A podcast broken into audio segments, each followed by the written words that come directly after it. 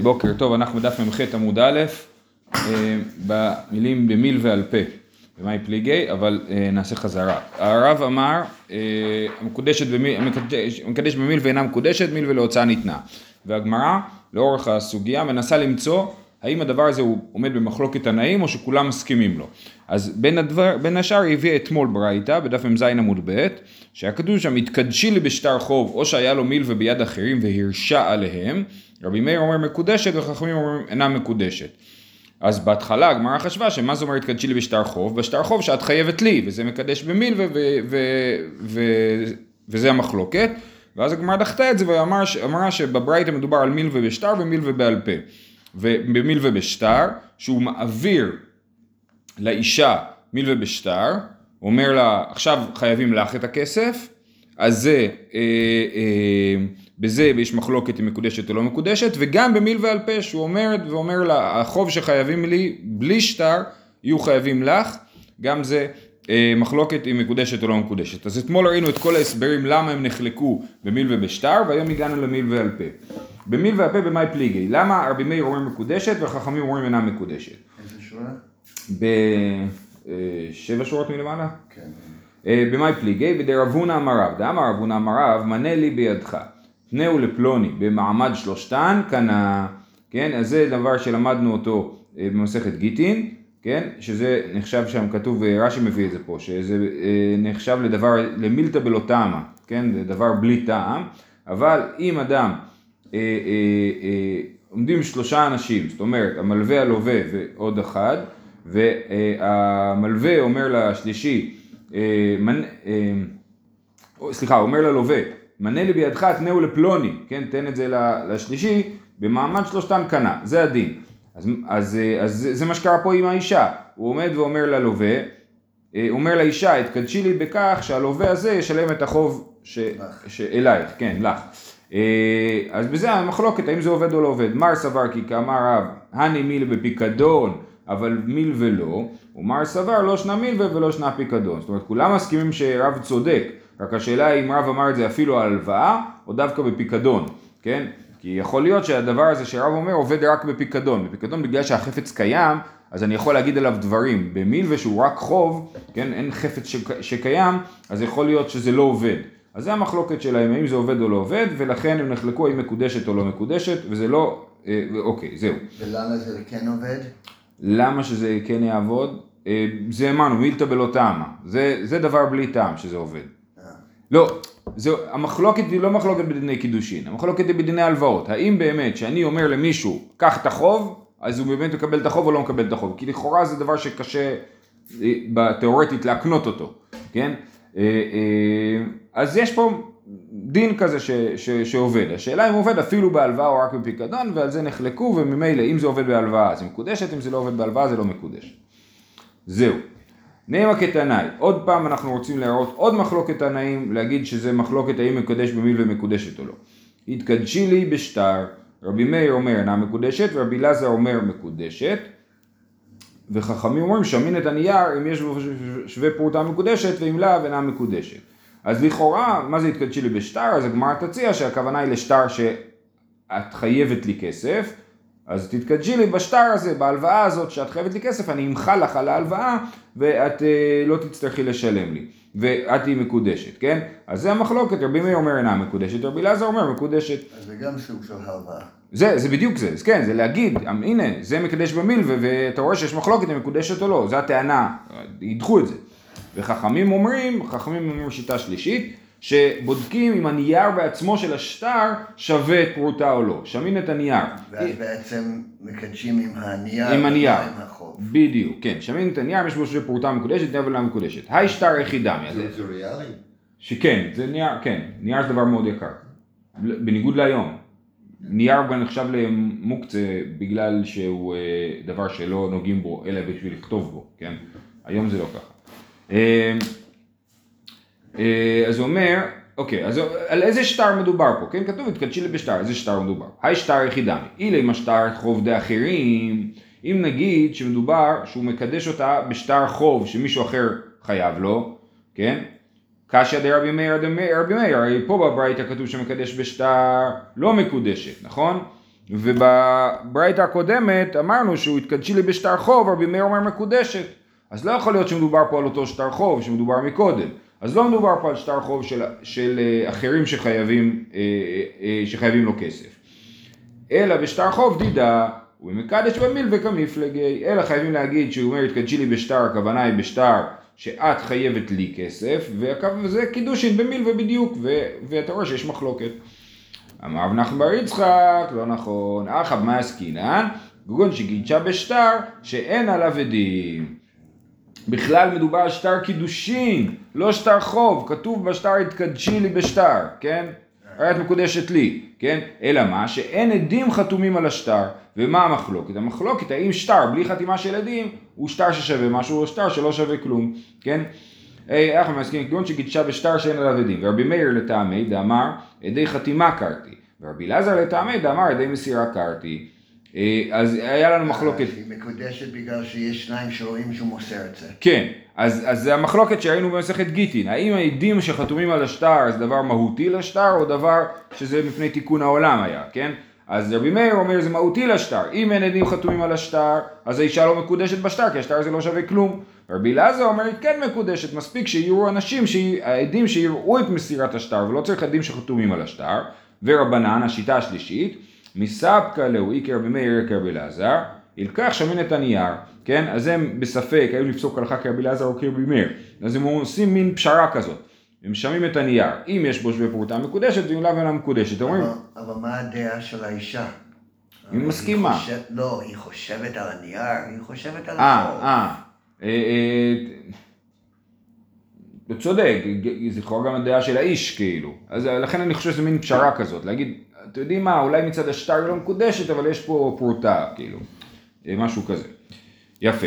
זה הסבר ראשון למחלוקת. הסבר שני, שוב, שכתוב צ'יל בשטר רבי מאיר אומר מקודשת, רבי אלעזר אומר מקודשת, היא בהתאם כגון שכתבו שלא לשמה, הוא כתב את השטר קידושין שלא לשמה, זאת אומרת הוא כתב, או שהוא כתב את מקודשת לי, או שהוא כתב את השם, אבל הוא החליט שהוא הולך להתחתן עם אישה שקוראים לה שרה, אבל לא החליט עדיין איזה שרה, כן? אז זה לא לשמה.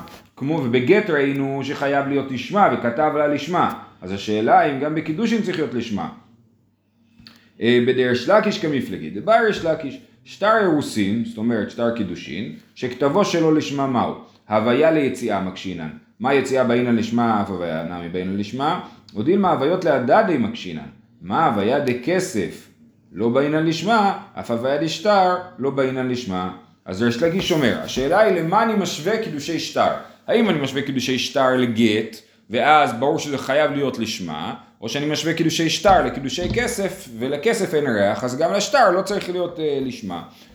אה, ואחרי שריש לקיש שאל את השאלה, הוא גם ענה את התשובה, בתר דבעיה הדר פשטה, ויצא והייתה מקיש הוויה ליציאה.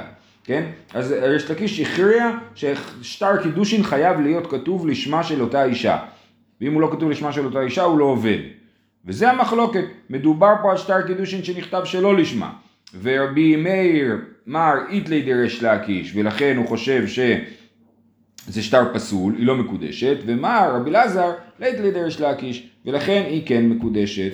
והיא בהתאמה, אופציה שלישית, דכולי עלמא איתלו דרש לקיש, ואחד מעסקינן שכתבו לשמה ושלא מדעתה, ובפלוגתא דרבא ורבינה ורב פאפא ורב שרביה, כמפלגי. כן, זאת אומרת מדובר שהוא כתב את השטר לשמה אבל שלא מדעתה, מה אני אעשה להפתעה?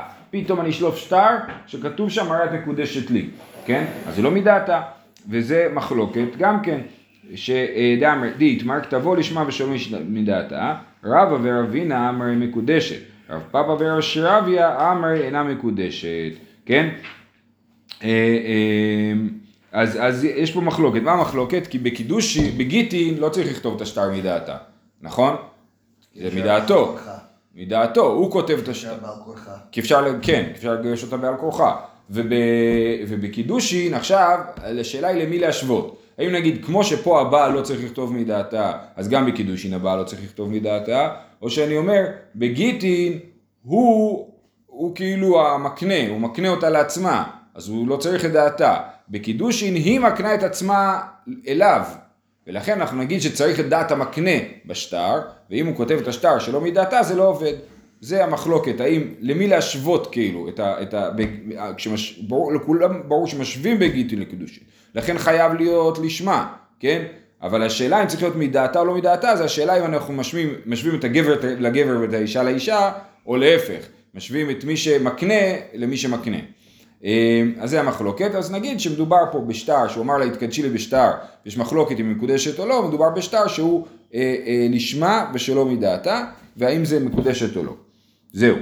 עכשיו טוב שהצטרפת. אה, אה, נימה כהני תנאי. עוד פעם אנחנו, יש לנו את שיטת רב, המקדש במיל ואינה מקודשת, ואנחנו רוצים להגיד שזה בעצם מחלוקת תנאים נוספת. דתניא. זאת אומרת, עד עכשיו לא הצלחנו להעמיד את זה בתור מחלוקת תנאים. כן, וזה גם, ורב לא רוצה, כאילו לרב, רב אומר, אמר את האמירה שלו בתור דבר מוחלט, הוא לא אמר מה שאני אומר נתון במחלוקת תנאים. וכאילו כשהגמרא אומרת זה מחלוקת תנאים, היא מנסה לערער את המעמד של דברי רב, וכל הזמן הרב מצליח כאילו להגן על עצמו. אה, נאמר כהני תנאי, דתניא, עשה לי שירים, נזמים וטבעות, ואקדש אני לך. כן. אה, כיוון שהסאה מקודשת דברי רבי מאיר, וחכמים אומרים אינה מקודשת עד שיגיע ממון לידה. אז היא נותנת לו זהב, הוא צורף. נותנת לו זהב או חומר גלם, והיא אומרת לו תעשה לי מזה טבעות, ואני אתקדש לך, כן? אז בעצם מה הוא משלם לה? את העבודה שלו, נכון? העבודה שלו, היא רוצה להתקדש בעבודה שלו. תעבוד בשבילי שעה, ואני אתקדש לך. חפש, זה לא הצבא, זה העבודה. כן, אז נכון, נכון, זה הערה טובה. אז זה אומר, אה, אז זה מחלוקת, נכון? רבי מאיר אומר מקודשת, הוא לא בדיוק ברור מתי היא מקודשת. הוא אומר, כיוון שהסען מקודשת, כן? וחכמים אומרים, אינה מקודשת עד שיגיע ממון לידה. שואלת הגמרא, היי ממון איכי דמי? מה הכוונה עד שיגיע ממון לידה? אילמה אותו ממון, אולי הכוונה היא לטבעות בעצמם? מכלל, דתנא קמא סבר אפילו אותו ממון נעמי, לא. אם ככה נגיד שתנא, ש, שרבי מאיר חושב שמספיק שהוא עשה את זה, זה מונח אצלו בבית והיא מקודשת, איך זה יכול להיות, כן? מילא תגיד שהוא נותן לה את הטבעת אז הוא כאילו נתן לה את העבודה שלו, כן? אז נגיד שהיא מקודשת, אבל סתם שהוא עבד בבית והיא נהייתה מקודשת מזה, זה לא יעלה על הדעת. לכן, כשחכמים אומרים אינה מקודשת עד שיגיע ממון לידה, הם לא מתכוונים עד שיגיע טבעת, אלא הם אומרים בעצם את מה שאתה אמרת, זה אמירה כללית כזאת, כן? אלא, אה, סליחה, בוא נקרא מההתחלה. אי ממון היחידה מי, אילי מה אותו ממון, מכלל תנא קמא סבר, תנא קמא זה רבי מאיר פה. אפילו אותו ממון נמי לא, לא צריך אפילו להביא את הממון לידה, אלא במאי, אלא במאי בו מקדשה, אז באיזה, בו, באיזה דבר היא מתקדשת, אלא לאו בממון אחר, ושמע מינא במקדש במיל וכמפלגי. זאת אומרת חכמים אינם, חכמים- חכמים לא אומרים אמירה ספציפית, אלא אומרים אמירה עקרונית, כן? אינה מקודשת עד שיגיע ממון לידה. ורבי מאיר חושב שהיא מקודשת לפני שמגיע ממון לידה, כן? אז לכן, בעצם מה המחלוקת? מחלוקת אם מקדש במיל ולא לא. שבמיל ו... שבמיל ומקודשת, וחכמים אומרים שאינה מקודשת. אה, אה, וסברי, כן, ושמע מן המקדש במיל כמפלגי, וסברי דכולי עלמא ישנה לשכירות מתחילה ועד סוף, והווה מילווה. מה אליו באה כמפלגי דמר סבר מקדש מילווה מקודשת, דמר סבר מקדש מילווה אינה מקודשת? זאת אומרת, יש לנו מחלוקת, או, או דיון בשאלה איך אני מסתכל על, שכירות, גם על שכירות שאני שוכר בית וגם על שכירות שאני שוכר עובד. האם אני חושב שנגיד בית, אז אני משכיר אותו לחודש, אז אני אומר כל החודש הוא לא חייב לי כלום, ובסוף החודש הוא חייב לי את כל סכום השכירות, אה, 3,000 שקל, כן? או שאני אומר, אז 3,000 שקל מצטברים, כן? כל יום, כל שעה, זה מצטבר, מצטבר, מצטבר. נפקא מינה לכל מיני שאלות, לדוגמה, אולי זה נפקא מינה לשאלה מה קורה אם אני מפסיק את השכירות באמצע. האם אני אומר, יצטבר החוב עד לפה, או שלא יצטבר החוב עד לפה, וכדומה. או אדם, או פועל שבאמצע יום העבודה מחליט שהוא לא רוצה להמשיך לעבוד, כן?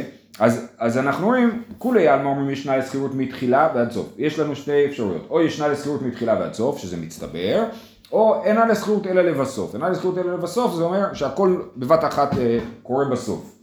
אז, אז, כשאני, אז ישנה לשכירות מתחילה ועד סוף, רגע, ואם זה קורה בסוף, אז בעצם הוא לא מקבל כסף כי הוא לא עבד את כל הזמן? אז זה לא, אנחנו לא אומרים את זה, כי יד הפועל על העליונה, אבל, אבל בעיקרון זה שייך לסוגיה הזאת. אה, אז... זה לא שייך לסוגיה. הסוגיה שלנו לא דיבר על משהו שאפשר לעשות חלקית. לא, הוא, החליט, הוא התחיל להכין טבעת, ואז הוא מחליט, א', יכול להיות שהוא... ש... הם לא באמת משלמת לו, כן? אבל תיאורטית היא הייתה יכולה לשלם לו או לפי שעות או, או בקבלנות, נכון? הייתה, יפה. אז בוא נניח שהיא כרגע הולכת לפי שעות, אוקיי? אחרי זה גם נראה שעוברים לאופציה של קבלנות. אה, אז ישנה לשכירות מתחילה ועד סוף, זאת אומרת החוב מצטבר מההתחלה. כיוון שהחוב מצטבר מההתחלה, אז זה מילווה, בגלל שכל, כן, הוא התחיל לעבוד, עבד שתי דקות, עכשיו היא כבר חייבת לו שתי שקל. הוא יעבוד עוד שתי דקות, היא חייבת לו עוד שתי שקל, כן? אז, אז, ישנה, אז, אז זה מילווה, ולכן רבי מאיר חושב שהיא מקודשת במילווה, זאת אומרת, הוא מסיים לעבוד, הוא מכין את הטבעת, ואז היא חייבת לו 100 שקל על העבודה, ואז היא אומרת, אני מתקדשת לך ב-100 שקל האלה. וחכמים אומרים, לא, עד שזה לא עובד, כי זה מילווה, כן? ככה הגמרא רוצה להסביר. דכולי עלמא ישנה לשכירות מתחילה ועד סוף, והווה מילווה, מה אליו? באקא מפלגי, דמר סבר מקדש במילווה מקודשת, דמר סבר מקדש במילווה אינה מקודשת. לא, דכולי עלמא מקדש במילווה אינה מקודשת, ואחא בישנה לשכירות מתחילה ועד סוף כמפלגי, בדיוק הם נחלקים איך לתפוס את השאלה של שכירות. מר סבר אינה לשכירות אלא לבסוף, כן רבי מאיר אומר, אה, אה, לא, אין פה חוב, מתי מתי היא צריכה לשלם? ברגע שהוא סיים את העבודה. הוא סיים את העבודה, ואז היא צריכה לשלם לו עכשיו, זה לא חוב, אלא זה, זה תשלום אה, אה מיידי כאילו. ומר סבר, ישנה לשכירות מתחילה ועד סוף וזה חוב, אז כולם מסכימים שמקדש במילווה אינה מקודשת, והשאלה אם זה נחשב למילווה או לא נחשב למילווה. אופציה ראשונה. אופציה שנייה, ואי בהתאמה דכולי עלמא ישנה לשכירות מתחילה ועד סוף, ומקדש במילווה אינה מקודשת. ואחא באומן קונה בשבח כלי כמפלגי. עכשיו אנחנו מדברים על קבלנות. יכול להיות שבכלל זה קבלנות, זה לא שכירות, וזה אומר שככה, הוא, היא מביאה לו זהב, והוא מכין מזה טבעת, מתי היא צריכה לשלם לו? כשהטבעת מוכנה, ככה זה קבלן, קבלן הוא לא שכיר, הוא צריך לעשות את כל העבודה. אז, אז, אה, אז היא צריכה לשלם לו על זה, אוקיי, מצוין, אז, אז ואז אחא באומן קונה בשבח כלי כמפלגי. מר סבר אומן קונה בשבח כלי, ומר סבר אין אומן קונה בשבח כלי. זה מחלוקת, שוב פעם, בדיני ממונות, האם אומן קונה בשבח כלי. נגיד, אה, אה, אה, האומן השביח את הכלי, נכון? הוא לקח את הזהב, הפך אותו לתכשיט, כן? ואז, לא יודע, יש איזשהו סכסוך בין, בין ה... מי שביקש את העבודה לאומן, כן? אז השאלה היא, האם האומן יכול להגיד, זה שלי עכשיו, אני קניתי בשבח כלי, אני שיפרתי את הכלי, אז זה שלי, כן? אז מי שאומר אומן קונה... עד בש... שמשלמים לו. עד ש... כן, כמובן, צריכים לקנות ממנו את זה. אז מי שאומר אומן קונה בשבח כלי, רבי מאיר אומר אומן קונה בשבח כלי. מה האומן מביא לה? הוא מביא לה את מה שהוא השביח, הוא מביא לה את הטבעת שהוא הכין, שהוא עשה כאילו, כן? נכון שהזהב במקור היה שלה, אבל כל מה שהפך מהזהב לטבעת זה שלו, כן? ורבי אלעזר אומר, אומה, זה, מי זה היה? נגד רבי מאיר. אה, חכמים אומרים, אומן לא קונה בשבח כלי, ולכן כשהוא מביא לה זה, הוא מביא לה את שלה. היא צריכה לשלם לו, זה חוב. ולכן היא לא מקודשת בגלל שזה חוב. כן? אז רבי מאיר אומר אומן קונה בשבח כלי וזה מה שהוא מביא לה ועל זה היא מתקדשת וחכמים אומרים אומן לא קונה בשבח כלי ולכן אין לו מה להביא לה והיא לא מקודשת זה מילווה והיא לא מקודשת. אה, והיא בהתאם דכולי עלמא אין אומן קונה בשבח כלי וישנה לשכירות מתחילה ועד סוף ומקדש במילווה אינה מקודשת זאת אומרת באמת היא לא צריכה להיות מקודשת גם אומן לא קונה בשבח כלי גם מקדש במילווה אינה מקודשת וגם ברור שזה מילווה אז למה יש פה שיטה שאומרת שהיא כן מקודשת, אך המעסקינן כגון שהוסיף לה נופך משלו. כן, אז מילה נופך, אני לא יודע, זה מעניין, כאילו, נופך זה...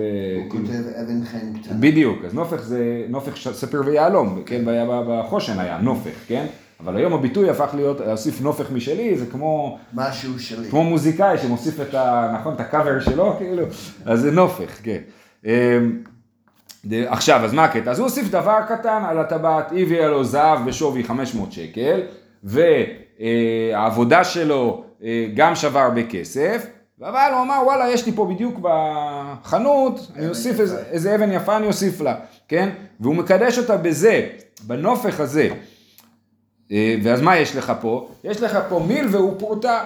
האבן היפה שווה פרוטה. המיל והחוב שהיא חייבת לו על העבודה שווה הרבה יותר, כן? דמר סבר מיל והוא פרוטה דעתי הפרוטה. מר סבר דעתי המילווה, אז כבר ראינו את המושג הזה של מיל והוא פרוטה, אז אנחנו אומרים, רבי מאיר אומר מיל והוא פרוטה, היא מתקדשת בפרוטה, ולכן זה בסדר גמור מקודשת, וחכמים אומרים לא, ברור שהיא חושבת על העבודה ששווה הרבה יותר, וזה מילווה, והיא לא יכולה להתקדש במילווה, לכן הפרוטה לא מועילה. אה, ובפלוגתא דעני תנאי, וזה מחלוקת תנאים, של אה, אה, האם מילווה ופורתא דעתי המילווה או דעתי הפורתא, דתניא, בשכר שעשיתי עמך אינה מקודשת. בא הבן אדם, אישה שכרה גבר אה, לעבוד בגינה, כל היום עבד בגינה, למחרת הוא בא אליה, אומר לה, תשמעי, זוכרת שעבדתי אצלך אתמול, את חייבת לי 100 שקל, בשכר שעשיתי עמך, מקודשת לי, כן? אז אינה מקודשת. בשכר שאעשה עמך, מקודשת. לפני שהוא התחיל את היום עבודה, הוא אומר, אין בעיה, אני הולך לעבוד אצלך היום, התקדשי לי בזה, בעבודה שאני אעבוד אצלך היום. מקודשת. רבי נתן אומר, בשכר שאעשה עמך אינה מקודשת, וכל שכן בשכר שעשיתי עמך. כן, רבי נתן אומר גם, מכאן ואילך זה לא יעבוד. כי זה גם מלווה. זה מילווה, למה? כי ישנה לי שכירות מתחילה ועד סוף, וכל הזמן זה יוצר חוב, חוב, חוב, חוב, ובסוף אין לו, הוא, הוא לא מביא לה כלום, כאילו, נכון? וה, והתנא קמא, כן, אמר, אה, חושב שאינה לשכירות אלא לבסוף, ולכן אין פה חוב, אלא התשלום, החוב, ברגע שהוא מסיים לעבוד, אז היא מקודשת לו, כי הוא מביא לה עכשיו את כל העבודה. אה, רבי דן אומר בשכר שאעשה עמך אינה מקודשת, וכל שכן בשכר שעשיתי עמך, עמך, ברור, כמובן בשכר שעשיתי עמך זה כמובן זה גם כן חוב. רבי יהודה הנשיא אומר, באמת אמרו, בין בשכר שעשיתי, בין ששכר שאעשה עמך אינה מקודשת, ואם הוסיף לה נופך משלו, מקודשת. זה שיטת רבי יהודה הנשיא, רבי. בין תנא קמא לרבי נתן, אי כבעיניי הוא שכירות, כן? אז המחלוקת של תנא קמא ורבי נתן היא, האם שכירות אינה משתלמת אלא לבסוף, תנא קמא, או ישנה לשכירות מתחילה ועד סוף. זה מה שרבי נתן חושב, ולכן הוא חושב שאינה מקודשת. בין רבי נתן לרבי יהודה הנשיא, כבעיניי הוא מילווה ופרוטה, כן? כי רבי יהודה אומר, רבי אומר, אם הוסיף נופך משלו מקודשת. סימן שרבי נתן חולק עליו, כאילו רבי נתן לא התבטא בנושא, אבל אנחנו מניחים שאם רבי אמר את זה, הוא מבין שרבי נתן חולק עליו בזה, אז הם חולקים בשאלה של מילווה ופרוטה.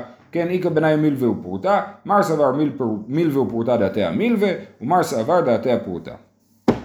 גם אי אפשר לשאול את האישה? על מה דעתה? לא נראה לי, כי זה... זה שאלה. גם, כי... אם נגיד לה... אפשר להגיד א' שהתשובה שלה תהיה חשודה. זאת אומרת, אם היא, אם היא לא תהיה מבסוטית מהבעל, היא תגיד דעתי המילווה. אם היא תהיה מבסוטית, תגיד דעתי הפורטה. זה לא התשובה הכנה בהכרח. זה בעיה אחת. ומעבר לזה, זה בעיה שלא בהכרח אפשר לאמוד, היא לא יכולה להגיד אני חושבת הלאה, אם שואלים אותה ברגע, אם הוא אומר לה במפורש, וזה גם מה שאנחנו עושים בחופות, אנחנו אומרים, הטבעת הזאת שווה פרוטה, למה אומרים שהטבעת הזאת שווה פרוטה? כדי שהיא לא תגיד, אה, הטבעת הזאת שווה מיליון שקל, ואני מתקדשת במיליון שקל, ואז היא תגלה שזה שווה רק חצי מיליון, נכון? ואז בעצם, אז אנחנו אומרים, אם היית יודעת, שכאילו, יש את הרבנים המחמירים, כן, שאומרים, אם הטבעת הזאת הייתה שווה רק פרוטה, היית מתקדשת בה, ואז היא כאילו אומרת כן, ואז היא מקודשת בפרוטה. לא אומרים שזה לפחות שווה פה? כן, כן. אבל, אבל זה הנקודה, להגיד כאילו שאת יודעת שזה לא צריך להיות שווה יותר בפרוטה בשביל להתקדש. טוב, משנה חדשה. לא... מה פתאום שאישה תתקדש בשביל פרוטה? זה כלום. כן, אבל פרוטה זה, זה, פרוטה זה שיעור מינימלי של כסף, כאילו. אני מבין, אבל כן. זה כלום. נכון, בית שמאי אומרים בדינר. נכון. אה, טוב. זה סוג של... אה, שהיא לא מעריכה את עצמה. לא מעריכה את עצמה. או שמעריכה את האהבה, ואומרת, זה אהבה, פרוטה זה... זה מודרני. מי צריך כסף? היא בזה לכסף. כן. טוב, אז אה, סיכום הסוגיה, רב אמר מקדש מי ואינה מקודשת, ולא הצליחו להראות בשום מקום שיש מחלוקת תנאים בעניין, והוא הוא הצליח לעמוד ולהגיד, כל התנאים מסכימים איתי, וכל מה שמצאתם בדרך, כאילו, אפשר להסביר אותו בעניין אחר. זהו. תקדשי לי בכוס זה של יין, ונמצא של דבש, של דבש ונמצא של יין, בדינר זה של כסף, כסף ונמצא של זהב, זהב ונמצא של כסף, על מנת שאני עשיר ונמצא עני, עני ונמצא עשיר, אינה מקודשת. כל הדברים האלה, אם הוא אומר לה משהו מסוים והסתבר שזה משהו אחר, אינה מקודשת. רבי שמעון אומר, אם יתעלה שבח, מקודשת. רבי שמעון אומר, אם הוא אמר שזה דינר של כסף, והסתבר שזה דינר של זהב, אז זה שווה יותר. אם זה שווה יותר, אז היא מקודשת. אם זה שווה פחות. שהיא חושבת על הפרוטה? אה, אני לא חושב, לא. תכף הגמרא עוד תדבר. אה, יפה, זה שיטת רבי שמעון. אומר הגמרא, תנא רבנן תקדשי לי בכוס זה. תני חדה בו ומה שבתוכו. ותני אידך בו ולא במה שבתוכו. ותני אידך במה שבתוכו ולא בו. אז יש לנו שלוש ברייתות. אה, אה, באחת כותבים שהיא מתקדשת בכוס ולא בבפנים, בתכולה של הכוס. בשני כתוב שמתקדשת בכוס ובתכולה, ובשלישי כתוב שמתקדשת רק בתכולה ולא בכוס, כן? עכשיו מה זה משנה אם התקדשה בכוס או לא? השאלה אם תצטרך להחזיר את זה לבעל או לא, כן? אם התקדשה בתכולה, אז את הכוס היא צריכה להחזיר לבעל. הוא אומר לה, התקדשי לי בכוס זה של יין, אז היא לוקחת שטוק, שותה את כל היין, מחזירה לו את הכוס, ככה היא התקדשה ביין, כן? אמ, אז אומרת הגמרא, לא קשיא, אה במאיה, אה בחמרה, אה בציערא, כן? במים, אני הולך לפי רש"י עכשיו, אותו סוף מסביר אחרת, במים היא מתקדשת בכוס, כי המים לא שווים כלום, אז ברור שהוא מביא לכוס, הוא מתכוון, הוא מתכוון לכוס ולא למים, ביין, שזה דבר משובח ואפשר לשתות אותו מיד, אז מתקדשת ביין ולא בכוס, ובציערא, שרש"י מסביר שתי אפשרויות, או שזה ציר של דגים, או שזה שמן, זית, שמן, שציער כמו יצהר, אז הציערא הוא דבר חשוב, אבל לא דבר שגומרים אותו בבת אחת. אז, אז הוא אומר לה, בכוס וב... כן, בו ובמה שבתוכו. אז לכן, אה, אז כל אחד מתייחס למקרה אחר. הלאה, אם יתעל לשבח הרי זו מקודשת, זאת שיטת רבי שמעון. אומרת הגמרא ולייטלי לרבי שמעון יין ונמצא חומץ חומץ ונמצא יין, שניהם יכולים לחזור בהם. מה קורה אם אדם מוכר לחברו חבית של יין ונמצא שהיא של חומץ, הוא יכול להתחרט. ואם הוא מכר לו חבית של חומץ ונמצא של יין, גם יכול להתחרט. למה? הקונה מרוויח, היין שווה יותר מהחומץ. מה זה חומץ? חומץ זה יין שהחמיץ, משתמשים בו בתור חומץ. אז זה יותר אה, זול, כן? אלא הוא אומר לא ניחא לי, אני רציתי חומץ, רציתי לקנות חומץ, אני לא צריך יין, יש לי מלא יין בבית, אני צריך חומץ, אתה מכרת לי חומץ, לא צריך אותו. אז ולית לרבי שמעון יין ונמצא חומץ חומץ ונמצא יין, שניהם יכולים לחזור בהם? עלמא איכא דניחא ליה בחלה, ואיכא דניחא ליה בחמרא. יש מי שנוח לו בחומץ, יש מי שנוח לו ביין. הכנמי איכא דניחא ליה בכספא ולא ניחא ליה בדאבה. יכול להיות שהאישה הזאת אומרת, אני אלרגית לזהב, אני רוצה רק כסף, אתה הבאת לי זהב, זה לא טוב לי. הוא יכול למכור אותו. זה נכון שהיא יכולה למכור אותו, נכון, אבל, אבל היא יכולה להגיד, זה מה שאני רציתי, זה מה שאני הסכמתי, ואתה צודק שזה יותר טוב מה... לכאורה גם ביין ובחומץ, אתה יכול למכור את היין לקנות שתי חביות של חומץ, כן? אבל אנחנו אומרים, לא, לא, לא, אין לי כוח לבלאגן הזה. אה, בקיצור, איך יכול להיות שרבי שמעון אומר שאם יטעה לשבח מקודשת, האם הוא לא מסכים עם הרעיון שהקונה אומר נוח לי יותר במשהו אחר? אמר רב שימי בר אשי, אשכחתי לאביי, דיאתי וקמסבר ללברי, אני בדיוק ישבתי בבית מדרש, ראיתי את אביי מלמד את הבן שלו את העניין הזה, ומה הוא הסביר לו? והוא הסביר לו ככה, אחא מעסקינן כגון שאמר לשלוחו הלווני דינר של כסף ולך יקדש לי אישה פלונית והלך וילווה של זהב. או, אז אביי באמת הסתבך נורא עם המקרה הזה, הוא צריך להמציא פה מקרה מאוד מורכב. מה המקרה המורכב?